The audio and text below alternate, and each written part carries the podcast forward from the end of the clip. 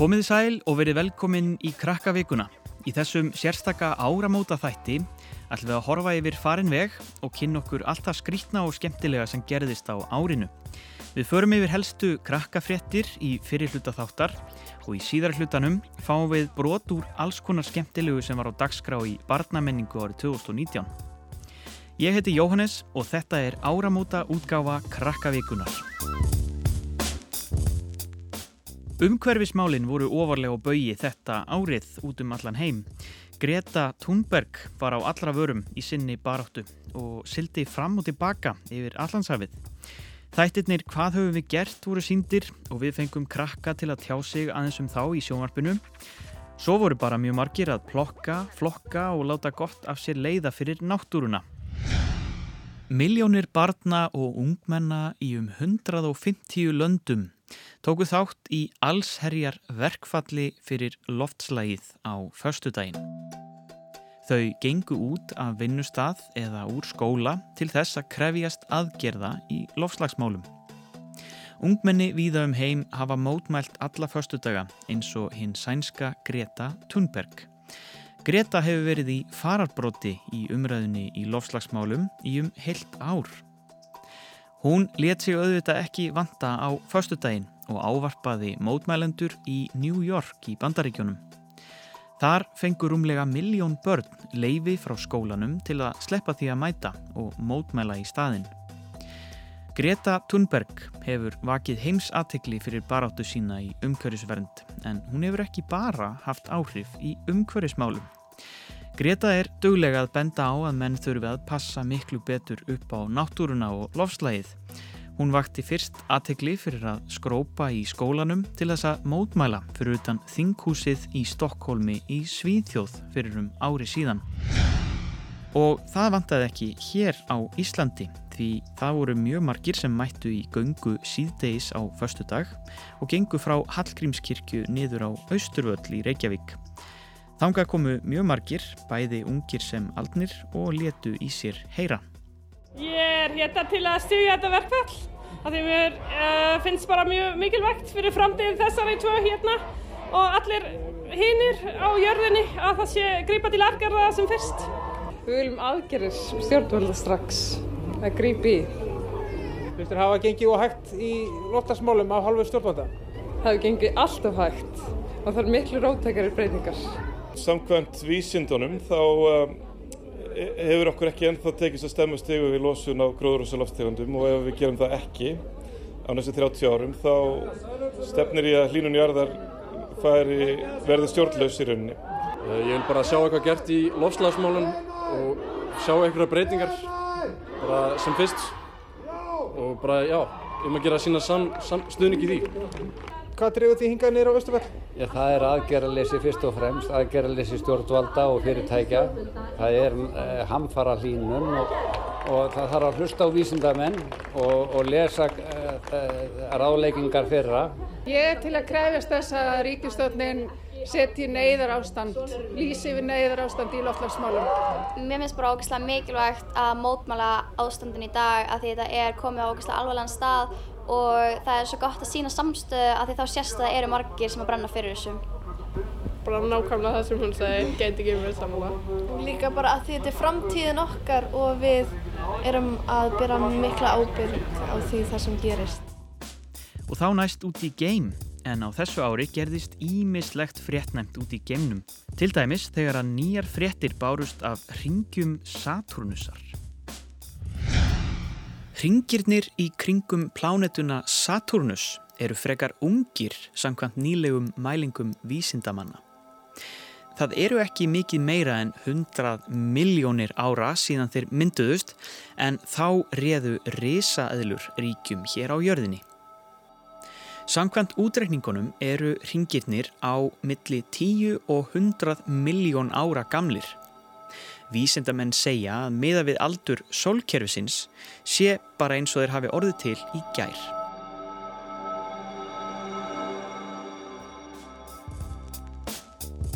Nefendur í Hagaskóla í Reykjavík vöktu mikla aðtekli í byrjun árs. Þau söfnuðu undirskriftum og vildu reyna að koma í veg fyrir að skólasistur þeirra og fjölskyldu hennar yrði vísað úr landi.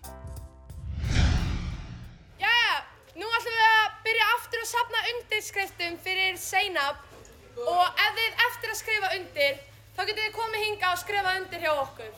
Krakkarnir byrjuð að sapna undirskriftunum því þau vilja að stjórnmöld endur skoði ákvörðun sína um að vísa 14 ára skólasistur þeirra, Sainab Safari og fjölskyldu hennar úr landi. Sainab er fætt í Afganistan en flúði til Gríklands þar sem að hún dvaldi í flóttamannabúðum. Hún kom til Íslands í fyrra með mömmu sinni og bróður. Fjölskyldan fær ekki leifi til að vera áfram á Íslandi en krakkarnir vilja að stjórnvöld á Íslandi geri undantekningu og leifi þeim að vera áfram. Það eru bara allir mjög sammála um það að þetta sé rétti hluturinn til að gera og auðvitað viljum við að hún og fjölskylda hann að lifi góðu lífi hér á Íslandi og öryggu lífi og með því til dæmis safna undirskiptum og skora á yfirvöldin, bara á sínaðum að við nefnendur höfum skoðun. Finnst ykkur verið að hlusta á ykkur? Uh, já, það er alltaf einhverjum fjölmjöla búin að taka upp málið og gera þetta aðsvöldi umræði sem að við erum bara mjög þakklátt fyrir og vonum bara að útlendingastofnun og allir hlusti á okkur líka. Flugfélagið Vá Air var líka mikið í fréttum á árinu. Vá skuldaði mjög mikla peninga og í fyrra tapaði það rúmlega 20 miljardum króna eða 20.000 miljónum. Þegar fyrirtæki getur ekki lengur borgað skuldir sínar verður það gjaldþróta. Þá er það sem fyrirtækið á tekið af eigandanum og eigum þess skipt á milli þeirra sem það skuldar. Eldsnema á fymtudags morgun tilkynnti svo Vá er að öllu flugi hefði verið aflýst. Stuttu setna sagði Samgöngustofa að félagið hefði hætt starfsemi og væri gjaldróta. Barnasáttmáli saminuðu þjóðana átti 30 ára afmæli í ár, 20. november. UNICEF á Íslandi hvatti alla til að gefa börnum orðið þann dag, sem og alla aðra daga. Þannig að þau fái tækifæri til að segja sína skoðun og það gerðu þau í krakkafréttunum. Ég heiti Steinar. Ég heiti Marjam. Ég heiti Eljana. Ég heiti Vilhjálmur. Nú verða sælar krakkafréttur. Barnaþing var líka haldið í fyrsta sinn og fór fram í hörpu í lok november. Ég heiti Kristi Freyr Viktorsson, ég er 12 ára gammal. Hvað er búið að skemmtilegast? Nefnilega þar í gær þá hittum við fórsendan eins og sjáðu ábyggla fréttunum og það fannst mér vera skemmtilegast. Og hlusta á hana þegar það var að spila, mér finnst það að vera bara mjög skemmtilegt. Við erum búin að vera að læra um barnasáttmálan og merkilega það sem ég finnst um barnasáttmálan er annað að þú veist að öll börn að fá að vera með fórildri sinum, bræði sinum, sýsti sinum, frændafólkið sinum um og afa þú veist og þegar að halda jól svo þessi fótækt eða vegna stríðs. Uh, Kolbrún, hvað er búið að vera skemmtilegast á þinginu? Það sem er búið að vera skemmtilegast er bara að kynast nýjum krökkum og já, vera hérna. Uh, eiga börn að fá að ráða meira í samfélaginu? Um, já, börn ætti að fá að ráða meira í samfélaginu vegna þess að þau gæti haft áhrif og hlust hafa hugmyndis. Í krakkavíkunni höfum við farið yfir ímislegt skemmtilegt sem gerðist í barnamenningu á árinu. Í september hófst menningarháttíð barna og ungmenna á Austurlandi eða BRAS. Menningarháttíð barna og ungmenna á Austurlandi. Og hjá mér er hún Karna Siguradóttir, forstuðumadur menningarstofu fjárðarbyggðar og ein af skipilegitum BRAS háttíðarinnar. Vertu velkomin. Takk fyrir. Getur þú byrjað á því að segja okkur aðeins bara hvað er BRAS og hvernig, hvernig byrjaði þetta í fyrra? Það er fyrsta háttíðin sem fyrir í gang. Já, þetta, við heldum háttíðin í fyrsta skipti fyrra og það var eiginlega bara þannig að við heldum fund, svona fólk sem hefur áhuga á menningamálum aðna fyrir austan og þá kom í ljós að það langaði alla til að fara að halda menningarháttið fyrir börn mm. og þá dætt okkur þetta snjallræði hug að vinna þetta saman og búa til eina hátíð í staðan fyrir að væri kannski ein hátíð nýra fjörðum og einu upp á héræði og þannig og við ákvaðum að vinna öll saman og búa til bras. Já, og, hvaðan kemur þetta orð, bras? Já, við erum alltaf eitthvað að brasa og þegar við erum að gera eitthvað svona skemmtilegt og skapandi þá er þetta nú oft óttalegt bras mm. og og okkur fannst bras bara svona skemmtileg eh, nálgun á að þetta þarf ekki endilega að vera sérstaklega hátílegt eða eitthvað þannig heldur þetta bara, bara skemmtilegt og já og svo eru sko einhvernar orð hátíðarinnar eru nefnilega þóra, vera, gera Mhm. og það fannst okkur einhvern veginn líka hérna, br- orðið bras, það held svolítið utanum þessi einhvernar orð. Sagan Stormsker, fólkið sem fangaði vindin, var flutt vikulega á rás 1 á þriðdags kvöldum. Það er engin hægðarleikur að slá kólibrífugl. Þeir fljúa jafn hratt og elding og eru svo viðbraðsfljótir að það er furðu líkast. Óbus var farin að slá frá sér eins og vittlaus maður án þess að hitta fuglin nokkur tíma. Hann tók ekkert eftir gömlu konunni sem kom lappandi upp slóðan á mótunum. Eila datt mér þetta í hug sko í tveimur atrennum. Fyrst datt mér í hug þessi grunnhugmynd um að fanga vindin og það er sem sagt gert þannig að það er fyrirtæki sem heitir Stormsker EHF sem að reysir þúsund segl bara beint upp úr jörðinni. Og í þessi segl fangar fyrirtækið vindin sem að er venjulega bara, hann er vanur því að blása bara frjáls um. En núna festir þannig seglunum og ítir þegar hann blæs á móti snúningi jarðarinnar. Þannig að jörðin snýst hægar og þannig verða sólarhingarnir lengri og fyrirtæki getur selt mannfólkinu tíma. Hérna mér datt sem sagt í hug þessi saga fyrst og skrifaði sögu um þennan mann sem að uppgötur þessa tekni og verður ríkasti maður og valdamesti maður heimsins.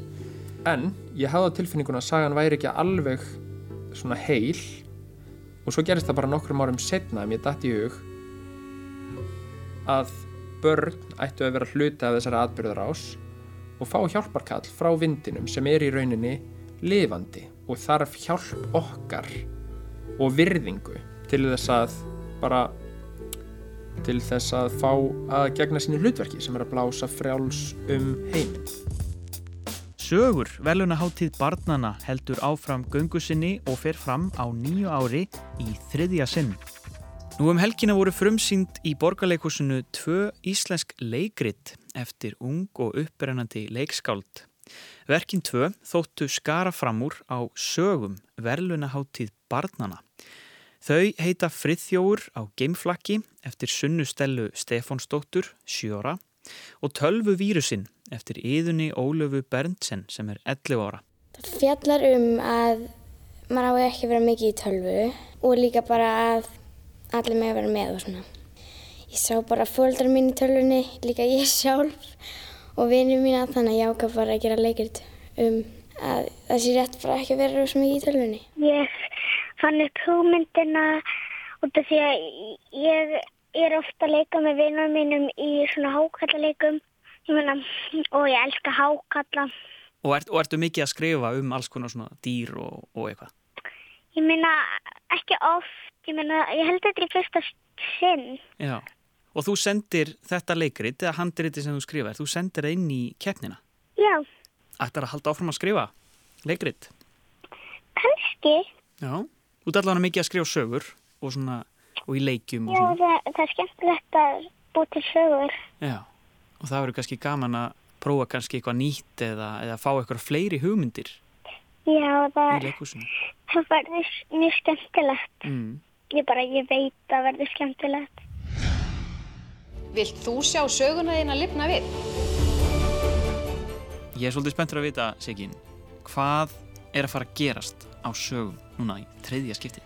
Og það er svo margt, Jóhannes, ég get svo svarið það. Nei, þetta verður algjörlega frábært. Verkefni er að fara á stað núna í þriðja sinn og e, við ætlum að halda okkur við sem sagt e, smásögurnar og leikrita handritinn, stuttmynda handritinn og við ætlum að bæta samt við tónlist og textum.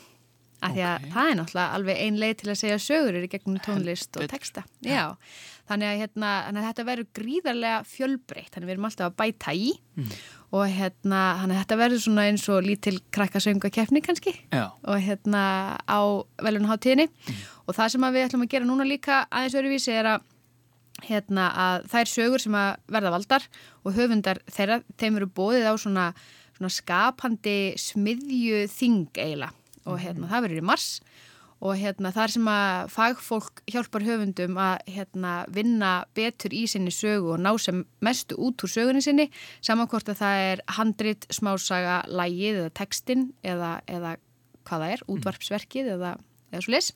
Þannig að ég held að við fáum bara ennþá betri sögur ef, ef, ef það er hægt hérna í ár.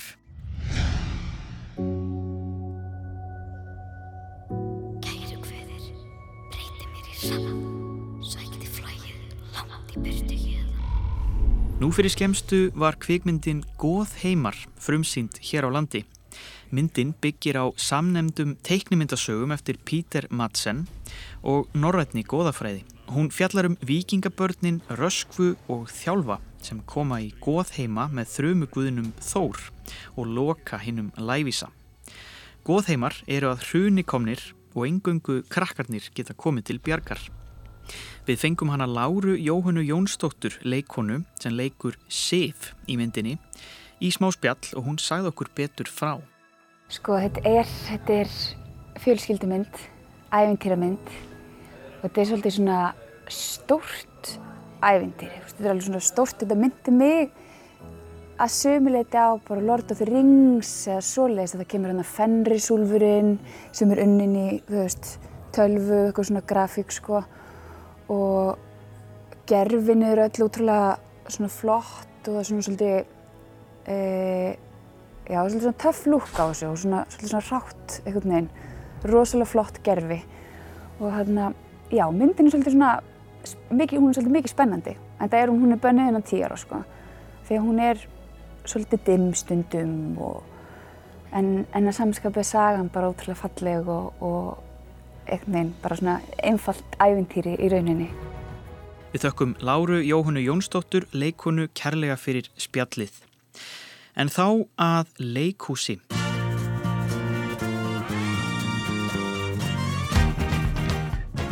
Mamma Klikk eftir Gunnar Helgason er einn mest verðlunaða barnabók síðari tíma og nú er búið að frumsýna leiksýningu sem er byggð á bókinni. Verkið er sínt í Gablara leikhúsinu í Hafnarfyrði og það er uppselt á næstum allar síningar fram að áramótum. Uh, Stella er úlingsstalpa sem finnst mamma sín orðin algjörlega klikkuð og jæna, finnst bara heldur að yngum langi að vera með henni af því að mamma hennar er svona klikkuð og hún er mjög erfitt með það og er að reyna að breyta mömmu sinni til þess að hún fái vinkonu sínar aftur til þess að vera með henni og svona. Já. Matti. Agla Bríett. Thea. Eh, hvað er erfiðast við að leika í mömmukleik?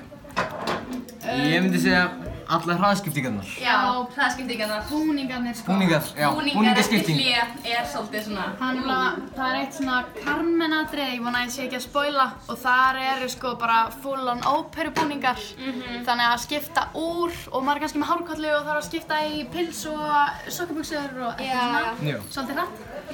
En þú, ert þú með pils og sokkabössur eða hvað ert þú í Carmen? Ég er herrmaður og ég er hérna í stórum buksum með hatt og jakka og belti og skó og þetta er svakalega búningur sem ég hef verið í sko. En, en hvað er skemmtilegast við að vera í mömmukleik? Mm, Sko. Leikhópurinn. já, félagskapurinn. Félagskapurinn. Félagskapurinn er skemmtilegur. Gunni. Gunni til dæmis. Gunni skemmtilegast. Þá er þessi áramóta þáttur krakka vikunar á enda. Þetta er búið að vera viðburðaríkt ár og vonandi verður árið 2020 jafn spennandi, ef ekki meira spennandi. Ég minni á krakka frétta annálinn í sjónvarpinu annað kvöld og krakka skaupið að honum loknum endilega fylgist með því. Hafið það gott yfir hátíðarnar, farið varlega þið ætlið að sprengja flugvelda á morgun. Gleðilegt nýtt ár og við sjáumst hress á því næsta.